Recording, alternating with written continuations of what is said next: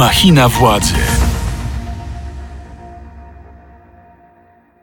Witam w 17 odcinku drugiego sezonu, a pierwszym w 2023 Machiny Władzy, podcastu Radia Z, w którym analizujemy najważniejsze wydarzenia w Polsce i na świecie. Ja nazywam się Mikołaj Pietraszewski, a moim i Państwa dzisiejszym gościem jest Wojciech Hermeliński, prawnik, sędzia Trybunału Konstytucyjnego w stanie spoczynku oraz były przewodniczący Państwowej Komisji Wyborczej. Dzień dobry, panie sędzio. Dzień dobry. Dzisiaj rozmowa w trybie zdalnym. Poruszymy dzisiaj kilka tematów z pogranicza prawa i polityki. Zacznijmy może od forsowanej przez Prawo i Sprawiedliwości nowelizacji ustawy o kodeksie wyborczym, której pierwsze czytanie odbyło się już w tym tygodniu. Proponowane zmiany zakładają m.in. zwiększenie dostępu do lokali wyborczych dla mieszkańców małych miejscowości, bezpłatne przewozy dla wyborców w gminach bez transportu publicznego, a także zmiany związane ze sposobem ustalania wyników głosowania przez członków obwodowych komisji. PiS argumentuje, że to rozwiązanie podwyższy frekwencję wyborczą i zniweluje wykluczenie komunikacyjne. Z kolei opozycja uważa, że to są zmiany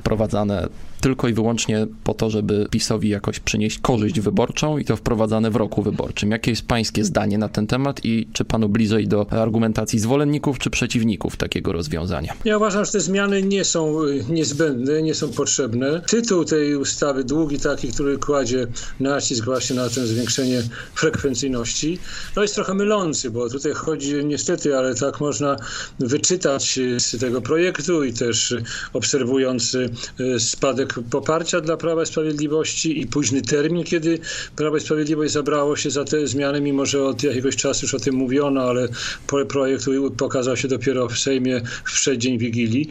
Więc to wszystko, no niestety, no, nie, nie da się ukryć wrażenia, że służy to polepszeniu sytuacji Prawa i Sprawiedliwości i, jej, i jej, ich wyborców, bo te zmiany profrekwencyjne to bardzo ładna i szlachetna idea, tylko że ona w moim przekonaniu jest trochę skażona takim egoizmem partyjnym, bo jednak tutaj no, Prawo i Sprawiedliwość te zmiany chce prowadzić pod kątem swoich wyborców.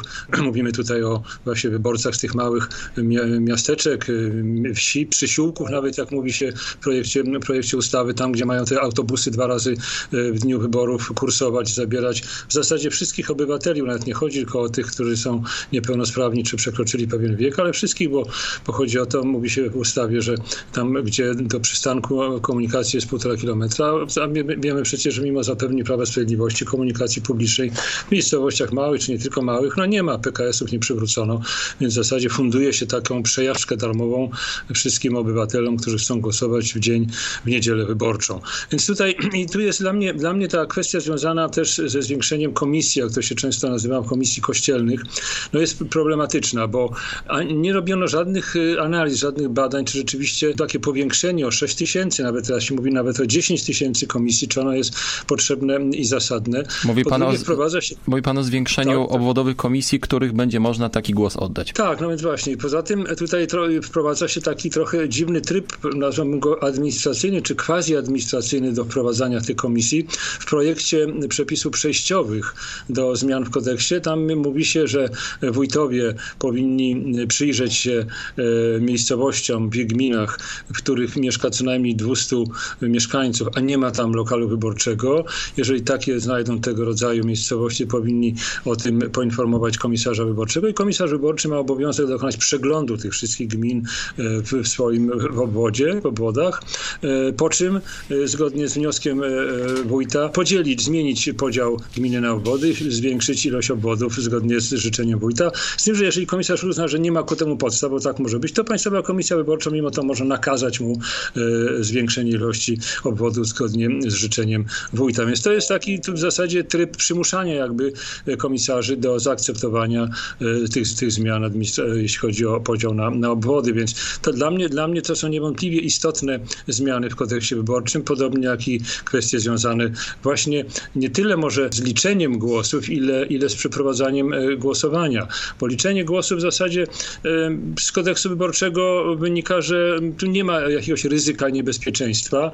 Są tak, moim przekonaniu, tak mocne gwarancje, chociażby w postaci mężów zaufania, obserwatorów społecznych, e, komisji obwodowych, które składają się z przedstawicieli różnych komitetów, które patrzą sobie na ręce. No właśnie tych mężów zaufania ma być zdecydowanie więcej, zwłaszcza y, partia rządząca chce tutaj jak najwięcej swoich y, zaufanych przedstawicieli wprowadzić. Opozycja zresztą też, więc ich będzie podobno bardzo dużo w tych wyborach. No to znaczy, ja bym tutaj na tym tu nie ubolewał, że tak powiem, bo to jest dobrze, że, że tych mężów zaufania będzie więcej, bo ja pamiętam jeszcze czasy, kiedy ja byłem, miałem zaszczyt przewodniczyć Państwowej Komisji Wyborczej. Myśmy w wyborach w 15 roku pytali niektórych przewodniczących komisji, czy stawiali się mężowie zaufania, czy byli.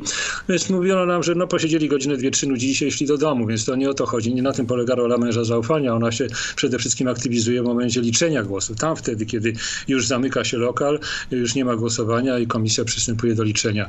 Więc tutaj to, że ta ilość mężów zaufania się zwiększy, to dobrze. Znaczy ona się nie może zwiększyć e, w tym sensie, że doda się do każdemu komitetowi ilość tam, iluś tam mężów. Tylko jeden mąż zaufania, który reprezentuje konkretny komitet, może być obecny e, w lokalu wyborczym, ale jeżeli wszystkie komitety wyborcze przedstawią po jednym kandydacie do, do, do komisji, no to bardzo dobrze, to niech, niech oni tego pilnują, tym bardziej, że mają już od jakiegoś czasu możliwość nagrywania rejestracji tego, co, co robi komisja. Obserwatorzy społeczni teraz też dostaną takie uprawnienie, więc tutaj akurat jest to uważam silna gwarancja, a tego rodzaju materiały są potem mogą służyć jako dowód w postępowaniu protestowym przed sądem. Czyli pana zdaniem, gdzie tak naprawdę może istnieć największe pole do ewentualnych nadużyć, jeżeli chodzi o tę nowelizację? Znaczy ja tu nie dopatruję się nadużyć ani przy wprowadzaniu nowelizacji w 18 roku do kodeksu wyborczego, ani od samego początku, od czasu, gdy kodeks wyborczy funkcjonuje od 11 roku.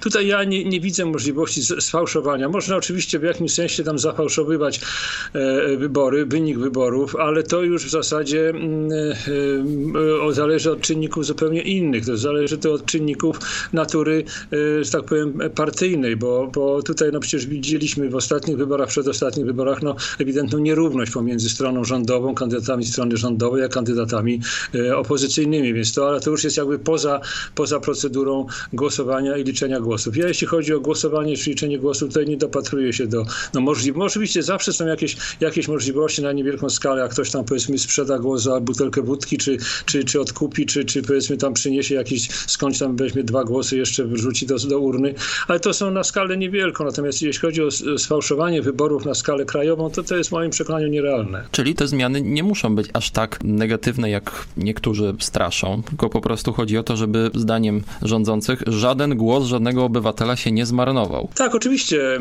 Tylko jak mówię, no... Czy to jest konieczne w tym tutaj, przypadku? Tak, wprowadzanie tutaj tych nowych komisji, które są, no, powstawały bez e, uzasadnienia merytorycznego, tylko na tej zasadzie, żeby ludziom z małych miasteczek umożliwić głosowanie, a nie mając w ogóle świadomości, czy, czy rzeczywiście tak jest, bo, bo analizy socjologów wskazują na to, że wcale e, przyczyną e, niegłosowania w małych miejscowościach nie jest odległość od lokalu wyborczego, tylko najczęściej albo wyborca nie chce głosować, albo powiedzmy nie, nie widzi dobrego kandydata, więc, więc ale, ale tutaj... Zwłaszcza, że frekwencja w, w, ostatnich latach, jeśli chodzi o wybory, jednak wzrosła. Mamy powyżej 60%. Wzrosła, tak, tak, oczywiście, więc ona nie jest wcale taka zła, nie musimy się jeszcze aż, ta, aż tak bardzo wstydzić. Dobrze byłoby, żeby była jeszcze wyższa, ale, ale tutaj rzeczywiście no, nie trzeba tego rodzaju sposobów y, y, wprowadzać. Ja uważam, są inne sposoby, na przykład głosowanie korespondencyjne. Dlaczego władze nie chcą tego przywrócić? Był taki okres, że w zasadzie praktycznie prawie wszyscy mogli głosować. Potem ograniczono to tylko do osób niepełnosprawnych i osób, które przekroczyły 60, 60 rok życia i w zasadzie do dnia dzisiejszego to zostało. Ta ustawa epizodyczna, która prowadziła do tych nieszczęsnych wyborów kopertowych, które nie doszły do skutku, ona wprowadzała też możliwość głosowania przez wszystkich obywateli, ale teraz wrócono do stanu poprzedniego, czyli tylko niewielka garstka osób może głosować. Polacy za granicą nie mogą głosować korespondencyjnie, no i większość Polaków w Polsce też nie. To jest metoda na zwiększenie frekwencyjności, a władze z uporem godnym lepszej sprawy się upierają, żeby nie przywracać tego głosowania korespondencyjnego. Słuchasz podcastu Radia Z. Czy pan rozumie tę interpretację przeciwników tego rozwiązania, że z jednej strony PiS trochę mniej etycznie, ale że kombinuje przy kodeksie wyborczym w roku wyborczym, a po drugie, że próbuje właściwie uruchomić swoje rezerwy, jeżeli chodzi o elektorat, zmobilizować tych, którzy ewentualnie mogliby na nich zagłosować. Na przykład w ramach wdzięczności, że będą mogli zostać przetransportowani do, do tej komisji. No ja nie wiem, czy to się uda, bo, bo w sumie jeśli, jeśli chodzi o zwiększenie elektoratu, to myślę, że chyba tutaj już jakiś rezerw specjalnie nie nie ma, przynajmniej to jak śledzę tutaj różnego rodzaju sondaże czy, czy, czy opinie specjalistów, socjologów, prawników, e, więc nie sądzę, żeby to spowodowało. W ogóle nie sądzę, żeby ten, ten, to prze, ten przewóz wyborców tymi autobusami do lokali wyborczych, żeby on rzeczywiście w sposób istotny zwiększył poparcie dla Prawa i Sprawiedliwości. To różnie może być, a tutaj pamiętam wypowiedź pana profesora Flisa, który właśnie no, jest też i socjologiem i, i tu jest świetnym znawcą problematyki wyborczej. Tu według niego to wcale nie jest tak, że, że te zmiany właśnie polegające na stworzeniu jakiejś nowej, większej ilości komisji, czy właśnie dowożenie, dowożenie wyborców autobusami, to tak na marginesie to tak trochę porównuje do, do, do Rosji, bo tam też, też przywożono do, do, jak byłem jako przewodniczący PKW zaproszony na e, wybory prezydenckie jako obserwator, to też widziałem, że tam autobusy podjeżdżały pod lokale wyborcze. W lokalach wyborczych były takie stoiska z różnego rodzaju smakołykami, z jakimiś specjalami za po niższej cenie. Więc no to oczywiście dalekie porównanie, ale, ale trochę mi to przypomina też. I zresztą w okresie PRL-u też mieliśmy tego rodzaju sytuacje, nawet było chodzenie z urną po, po mieszkaniach, więc nie jest to do, dobry przykład, ale oczywiście no, chęć, y, chęć tutaj zapewnienia osobom, które nie, nie mają powiedzmy daleko do lokali wyborczych, chociaż też nie wiadomo jaka ilość jest tych ludzi, jest na pewno cenna, ale z drugiej strony Państwowa Komisja Wyborcza i obecna i poprzednia, jeszcze wcześniejsze dbały o to, żeby chociaż zapewnić taką możliwość dla osób niepełnosprawnych. Przewidywano określoną ilość lokali, to była spora ilość lokali na, na całą Polskę, w których były udogodnienia dla osób niepełnosprawnych, czyli szerokie drzwi, podjazdy dla wózków, więc, więc te kwestie były, o to, o to Państwowa Komisja dbała i, i tutaj myślę, że działania, które były prowadzone są chyba działaniami wystarczającymi. No ale jeżeli oczywiście, jeżeli władze chcą wprowadzić tę, tę zasadę, zwiększyć tę ilość tych komisji, tylko że po pierwsze, e, kto będzie w tych komisjach pracował? Jeżeli to, jeżeli to będzie 6 tysięcy komisji, a nawet 10 tysięcy, jak się o tym mówi, w każdej komisji jest kilka osób, tam gdzieś powiedzmy 5, 6, 7, taka 8, taka przeciętna liczba, to przecież zawsze przy każdych wyborach, przed każdymi wyborami był problem z zapewnieniem ludzi do komisji. Często to niestety z łapanki niemalże się tych ludzi brało. To byli często ludzie w tych komisjach obwodowych, niedoświadczeni, którzy nie mieli pojęcia w zasadzie o, o prowadzeniu e, liczenia głosów. Stąd też na przykład Jarosław wyborów. Kaczyński wspomina o tak zwanym korpusie ochrony wyborów. No tak, ale ja, roz, ja nie bardzo sobie wyobrażam, czy to będzie korpus ochrony wyborów, czy uzbrojeni ludzie, którzy będą tam pilnowali lokalnie, przecież jakieś absurdy są. Więc tutaj, tutaj kodeks, nie, i zresztą nowela też nie przewiduje prowadzenia żadnych nowych instytucji. Są mężowie zaufania, no i członkowie, i członkowie komisji. E, no a poza tym, gdzie, jeżeli stworzy się te nowe obwody, czyli nowe komisje, to gdzie one będą zlokalizowane? Czy w takich małych miejscowościach stoją, czy jakieś puste budynki, w których można te komisje wyborcze zainstalować? Pojawia się taka propozycja, żeby na przykład powstały pod kościołami, ale to z kolei budzi takie ryzyko, że być może w niektórych kościołach będzie dochodziło do agitacji politycznych, co może też mieć wpływ na no, proces decyzyjny niektórych wyborców. Niewątpliwie, no były takie wypadki, że i przed wyborami księża zachęcali do głosowania na konkretne osoby, co jest w ogóle uważam niedopuszczalne, więc stawianie, ale nie wiem, no, czy to będą budowane jakieś budki, czy jakieś namioty będą stawiane, żeby tam to niepoważnie wszystko wygląda, żeby tam można było umożliwić wyborcom oddanie, oddanie głosu. No ale robienie tego jeszcze przy kościołach, no, no to narusza równość wyboru, przecież narusza konstytucję, więc ja w ogóle nie dopuszczam, że taka, taka możliwość będzie, e, będzie wzięta pod uwagę. Przejdźmy teraz do drugiego tematu, mianowicie do kolejnego już w ostatnich latach kryzysu w Trybunale Konstytucyjnym. Chodzi o pismo sześciu sędziów Trybunału skierowane do Julii Przyłębskiej, do prezes Julii Przyłębskiej oraz do prezydenta Andrzeja Dudy. Sędziowie ci żądają od Julii Przyłębskiej wołania Zgromadzenia Ogólnego Sędziów Trybunału i wyłonienia kandydatów, spośród których prezydent może wskazać nowego prezesa. Chodzi o to, że oni uważają, iż kadencja Julii Przyłębskiej jako prezes Trybunału się zakończyła, ponieważ ona podlega już tej nowelizacji, którą PiS wprowadził na przełomie lat 2016-2017, wprowadzającej kadencyjność ograniczoną do jednej sześcioletniej kadencji, e, jeśli chodzi o okres trwania prezesury szefa Trybunału. Wcześniej było tak, że prezes Trybunału mógł być do końca swojej kadencji jako sędziego, czyli jeżeli został wybrany rok albo dwa lata po wejściu w skład e, tego organu, to mógł być te 8 czy 7 lat prezesem. Teraz wedle ustawy, która weszła w życie właśnie 6 lat temu, można być tylko przez 6 lat prezesem. Prezes Przyłębska została wybrana 21 grudnia, 20 grudnia została ta ustawa uchwalona, ale ona miała okres vacatio legis, który prawił, że weszła w życie dopiero w styczniu następnego roku. I teraz tak, Julia Przyłębska uważa, i nie tylko ona, bo tam na przykład również premier Morawiecki jest tego zdania, że jej prezesura powinna trwać do końca jej kadencji w Trybunale, ponieważ ona została prezesem zanim jeszcze weszła ta ustawa w życie, więc ona tak naprawdę powinna dotyczyć jej następców. Natomiast część sędziów Trybunału jest przeciwnego zdania I teraz pytanie, jak rozwiązać ten impas? Mamy tutaj właściwie jakiś taki rodzaj próby puczu. Pytam pana jako również byłego sędziego Trybunału. Tak, ja obawiam się, że będzie trudny problem do rozwiązania, niemalże niemożliwy, bo rzeczywiście e, sytuacja jest... No, to jest przykład, w jak, w jak niechlujny sposób ustawodawca uchwala niektóre przepisy, bo ustawa, stara ustawa, że tak powiem, o Trybunale utraciła moc, a nowa miała wejść dopiero w życie za chyba tam 10 dni czy, czy za dwa tygodnie i powstała luka prawna. Nikomu do głowy nie przyszło, że przecież trzeba jakieś przepisy przejściowe tutaj wprowadzić. Nie ma żadnych przepisów przejściowych, dlatego tutaj uważam, że ma, ma słuszną, ma stuprocentową rację pan profesor Biernat, który wydał chyba jako pierwszy opinię w tej, w tej sprawie, że ta ustawa, skoro nie, nie obowiązuje stara ustawa, to nowa ustawa niejako w locie przechwytuje wszystkie stosunki prawne, które, które funkcjonują. W związku z tym pani, pani prezes Przemska powinna być poddana tej, tej nowej ustawie i tylko odbywać jedną, jedną kadencję. Także w moim przekonaniu ta kadencja się zakończyła.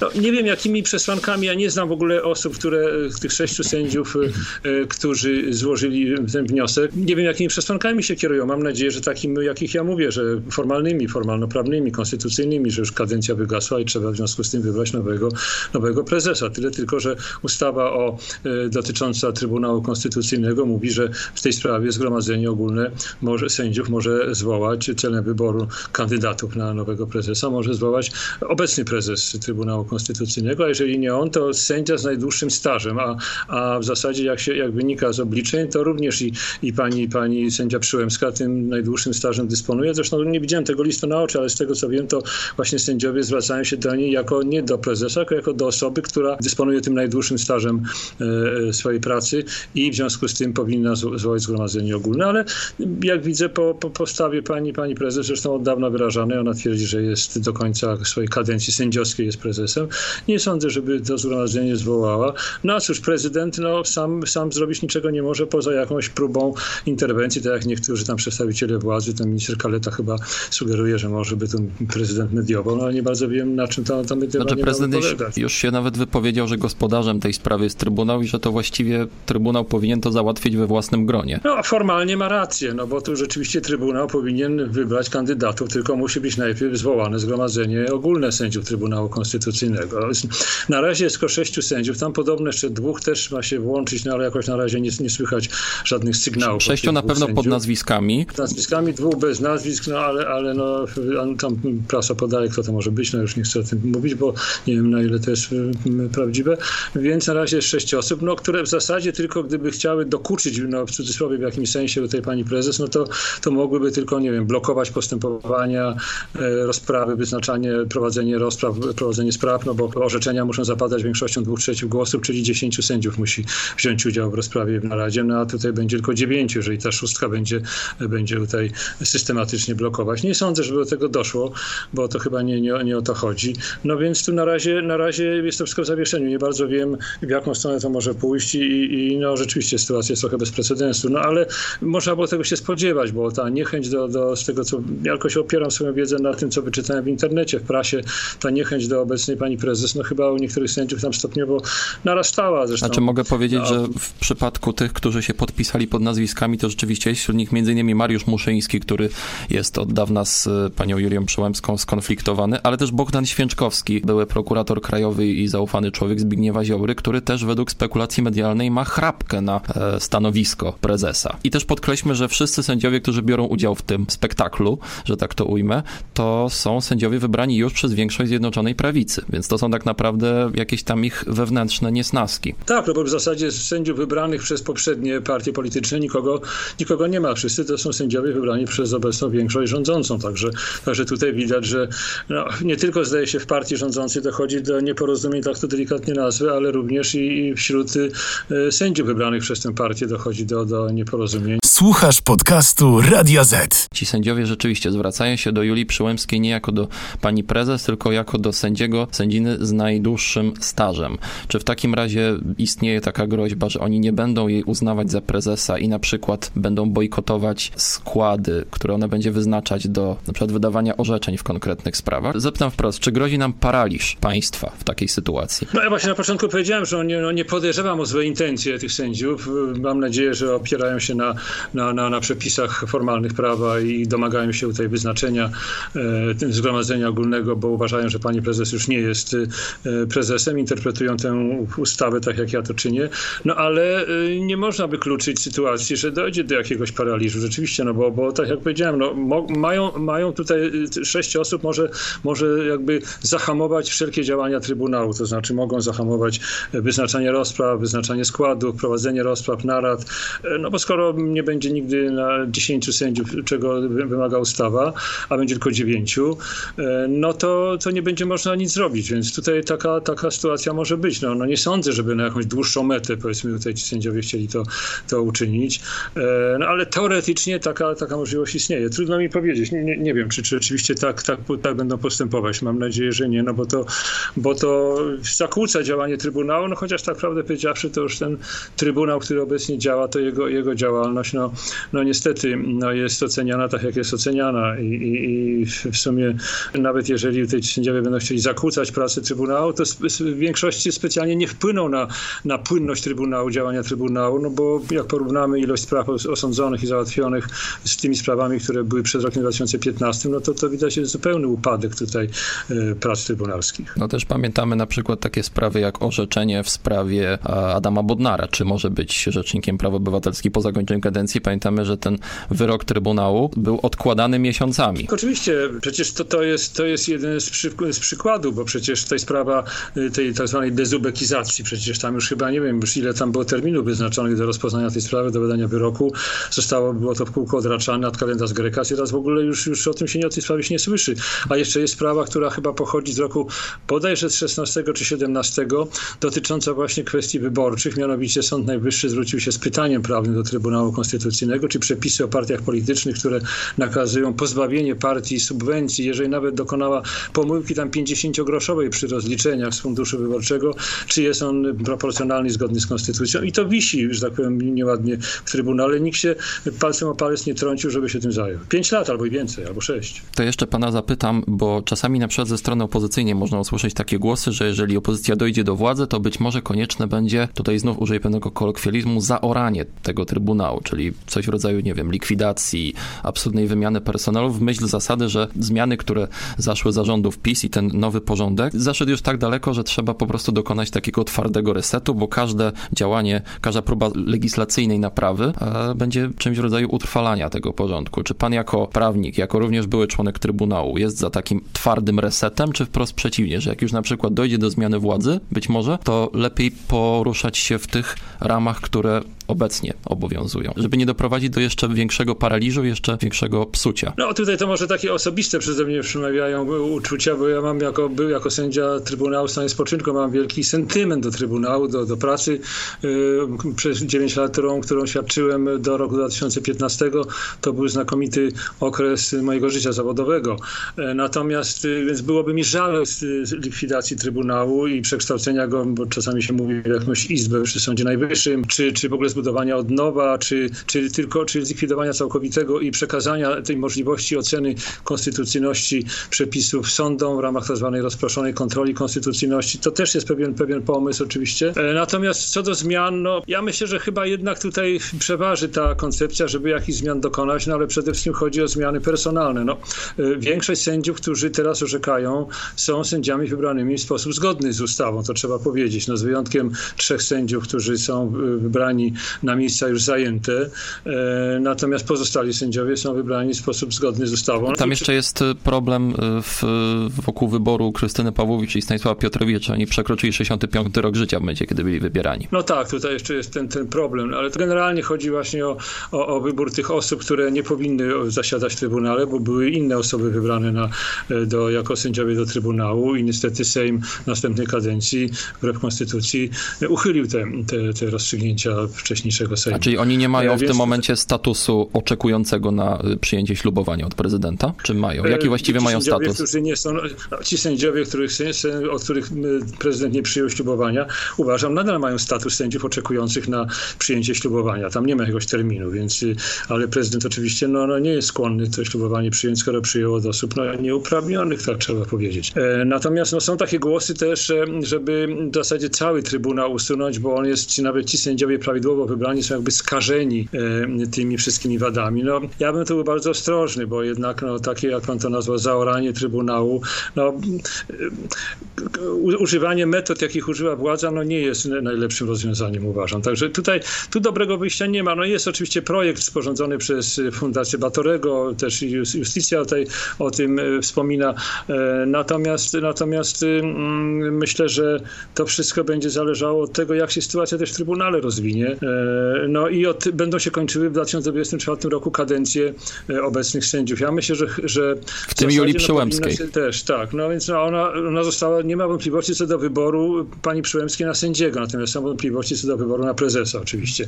Natomiast ci wszyscy sędziowie są zgodnie z ustawą wybrani, w związku z tym no jakby teraz ich usuwanie, no uważam, że nie byłoby e, dobrym i konstytucyjnym rozwiązaniem, czyli pewnie trzeba będzie poczekać, aż upłyną ich kadencja w końcu 2024 roku.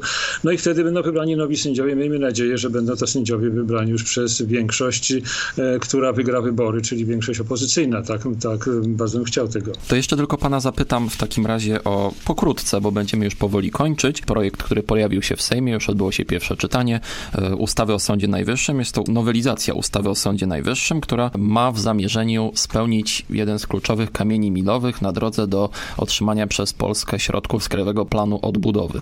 O tym, czy do, rzeczywiście y, Komisja Europejska zaakceptuje ten projekt, to to już jest sprawa, która jest troszeczkę poza naszymi e, wpływami. Ja pana chciałbym zapytać o to, czy ten projekt panu jako prawnikowi się podoba. Między innymi on przewiduje przeniesienie spraw dyscyplinarnych wobec sędziów z Izby Odpowiedzialności Zawodowej Sądu Najwyższego. Przypomnijmy, że to jest zastępczyni tak zwanej Izby Dyscyplinarnej, która przez kilka lat funkcjonowała przy Sądzie Najwyższym i teraz te sprawy rozstrzygałby Naczelny Sąd Administracyjny. Z kolei opozycja, która jest przeciwna temu kształtowi projektu, projektu proponuje swoje poprawki, między innymi powierzenie spraw dyscyplinarnych nie e, sądowi e, administracyjnemu, tylko Izbie Karnej Sądu Najwyższego, czyli jednej z tych izb, które istniały w Sądzie Najwyższym, zanim dokonał PiS w nich pewnych modyfikacji, a po drugie e, przywrócenie dawnego trybu wyboru Krajowej Rady Sądownictwa przez sędziów, a po trzecie uchylenie tzw. Tak ustawy kagańcowej, która zabrania sędziom kwestionowanie statusu sędziów wybranych już po zmianach PiS. Jak pan ocenia te te zmiany i jak pan też ocenia ewentualnie poprawki opozycji w tej kwestii? No może to od końca zacznę, bo pan wspomniał o Krajowej Radzie Sądownictwa, bo to jest tak, jak wszyscy konstytucjonaliści podkreślają, to jest źródło tego zła. I tutaj no niestety nie widzę dobrego rozwiązania, przynajmniej do czasu, aż władza obecna będzie rządziła, bo władza tej broni się przed jakąkolwiek zmianą, jak przepraszam za porównanie, jak diabły święconej wody, także tu na pewno, na pewno w tym zakresie nic się nie zmieni. A skoro tu się nic nie zmieni, to wszystkie tamte środki będą półśrodkami, będą środkami zaradczymi, czy nawet kwestia tego testu bezstronności. Bo gdyby funkcjonowała Krajowa Rada Sądownictwa powołana zgodnie z konstytucją, gdzie sędziów wybiera nie, nie Sejm, nie organ polityczny, ale wybierają sędziowie, no to wtedy nie byłoby problemu i, i ten test, nie, test niezawisłości czy bezstronności nie byłby potrzebny, bo na razie e, mamy w ustawie o Sądzie Najwyższym, tej znowelizowanej, mamy możliwość przeprowadzenia takiego testu na żądanie stron postępowania, ale nie ma takiej możliwości przeprowadzenia go na żądanie sędziego. A sędziowie, no jak widzimy i, i, i to im się chwali, to są naprawdę świadczy o ich odwadze i ich, y, y, y, ślubow- i ich wierności w stosunku do ślubowania, które składali, nie chcą orzekać razem z osobami, które nie są sędziami, które zostały wskazane prezydentowi przez niekonstytucyjną Krajową Radę Sądownictwa. I tutaj o to się rozbija cały problem. Natomiast tu też cały czas pobrzmia taka fałszywa teza, że od, mówi się, władze mówią, ale oni chcą, czy opozycja chce wprowadzić możliwość podważania decyzji prezydenta, który powołuje sędziów. Tu nie ma, możli- tu nie ma mowy w ogóle o, o podważaniu statusu sędziego.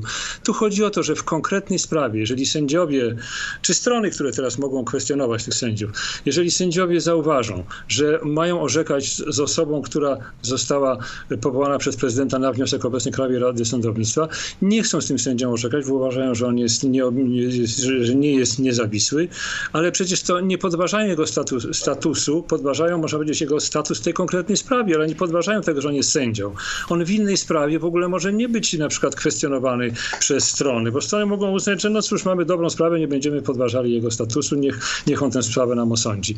I tyle, więc to jest tylko kwestia w każdej konkretnej sprawie kwestionuje się tego sędziego jako osobę, która nie jest osobą niezawisłą. Więc tu cały czas się szermuje taką, taką tezą, że otóż chodzi tu o podważanie decyzji prezydenta. Nic, nic, z tych rzeczy. Sam prezydent tak to interpretuje, nie wiem dlaczego, no przecież to jest prosto napisane w ustawie, więc, więc to się rozbija się w zasadzie o to tylko, bo tu przede wszystkim Solidarna Polska nie chce na to się zgodzić, twierdzą, że będzie jakiś wielki chaos, a na razie chaosu nie ma, nawet jeżeli wziąć pod uwagę możliwość kwestionowania przez strony niezawisłości sędziego w sprawie, też nie widać jakiegoś chaosu, też nie ma tych wniosków jakiejś takiej ogromnej ilości, która by tutaj destabilizowała cały proces sądowy. Dziękuję w takim razie za tę odpowiedź. Moim i Państwa dzisiejszym gościem w 17 odcinku drugiego sezonu, a pierwszym w 2023 roku Machiny Władzy podcastu Radia Z był Wojciech Hermeliński, prawnik, sędzia Trybunału Konstytucyjnego w stanie spoczynku, były przewodniczący Państwowej Komisji Wyborczej. Dziękuję panie sędzio. Dziękuję również. Wszystkiego dobrego. Ja tymczasem chciałbym zaprosić na przyszłotygodniowy odcinek, który poprowadzi Błażej Makarewicz. Ja nazywam się Mikołaj Pietraszewski i zapraszam do przesłuchania naszego podcastu na Playerze Radia Z, na YouTubie oraz w serwisach streamingowych takich jak Spotify. Dziękuję raz jeszcze za dzisiejszą audycję. Do usłyszenia. Machina władzy. Więcej podcastów na player radioz.pl